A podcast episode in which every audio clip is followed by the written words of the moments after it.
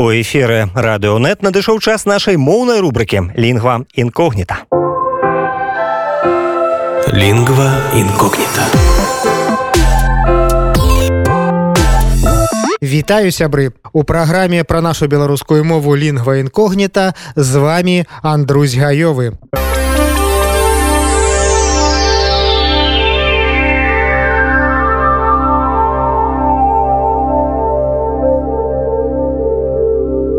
Сёння мы выправімся ў падарожжа.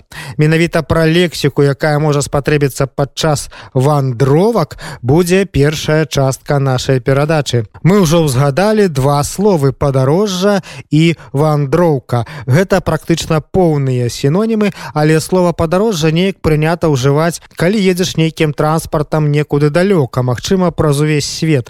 Вандроўкі ж звычайна больш блізкія, магчыма, пехам ці на ровары. Адпаведна людзі якія падарожнічаюць альбо вандруюць падарожнікі альбо вандроўнікі вандраваць можна пешу аўтаспынам на цягніку на ровары на чоўне на машыне на самалёце і гэтак далей.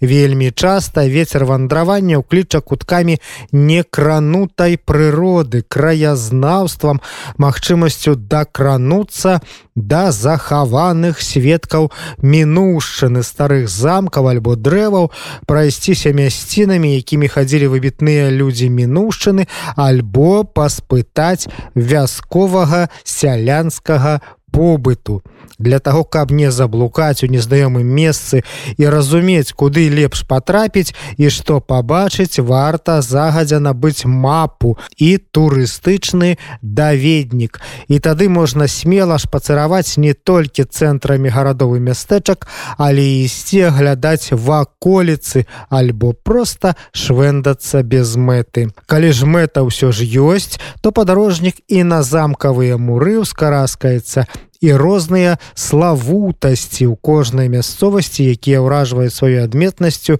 ці прыгажосцю сфатаграфуе на добры ўспамін. Асабліва калі гэта помнікі старажытнага дойлідства. Увогуле можна не толькі кіравацца звесткамі турыстычных даведнікаў але і самому шукаць цікавінкі.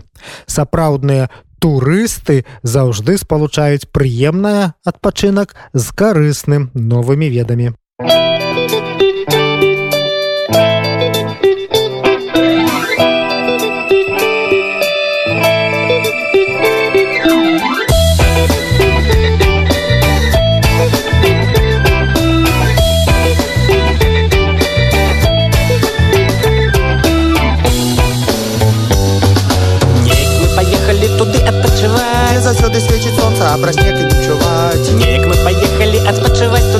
Заўсёды много неба і салёная вады з раніцы пайшлі на дэгустацыю віна а назаўтра ўсё ляжалі голова балела нам потым напіліся мы не свежае вады а назаўтра ўсё ляжалі бо балелі жываты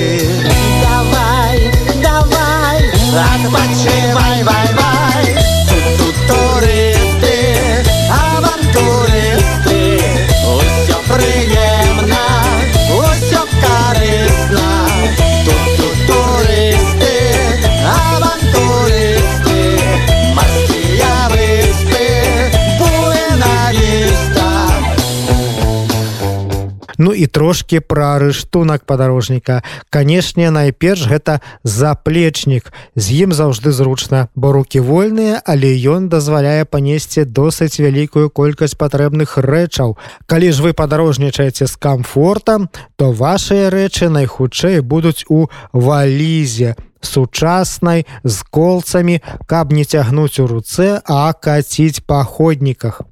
А вось калі вы вандруеце на прыродзе, то вам спатрэбіцца намёт, каб раскласці яго і пераночыць у ім, схаваўшыся ад камароў дажджу ды холаду. Таксама падарожжы патрэбныя спальнік, сухія запалкі, каб запаліць вогнішча, сцізорык альбо складны ножык, гумовы дыванок, бляшанка кансерваў.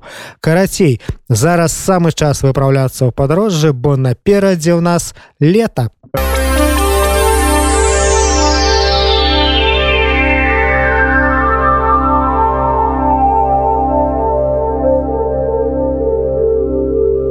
граматычнай частцы мы працягваем разбіраць правілы вымаўлення і напісання спалучэнняў зычных. Нагадаю, што першую частку правілаў мы разгледзелі мінулым разам і праз нашыя соцсеткі вы можете знайсці нашу папярэднюю перадачу.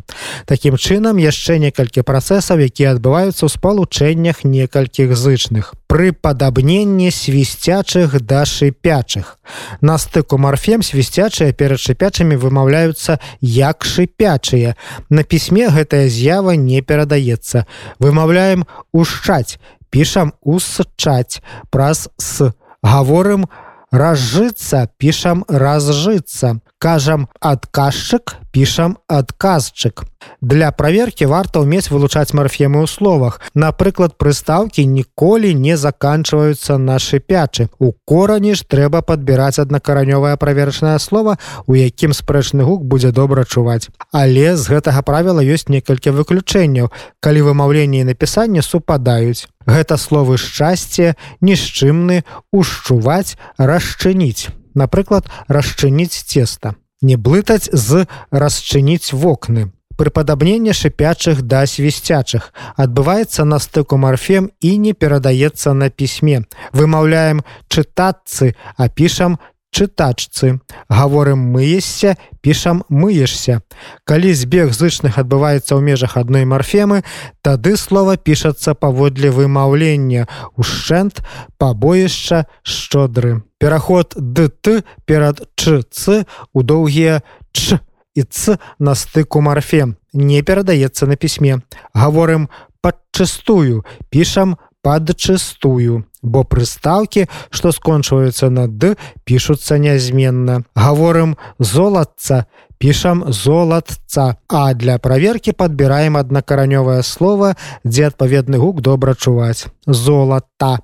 Ну і яшчэ адзін працэс адбываецца паміж зычным і санорным. Некаторыя запазычанні заканчваюцца неўласцівым для беларускай мовы спалучэннем тр, др, бр, бль і кл У жывым маўленні паміж гэтымі зычнымі ўзнікае беглы А.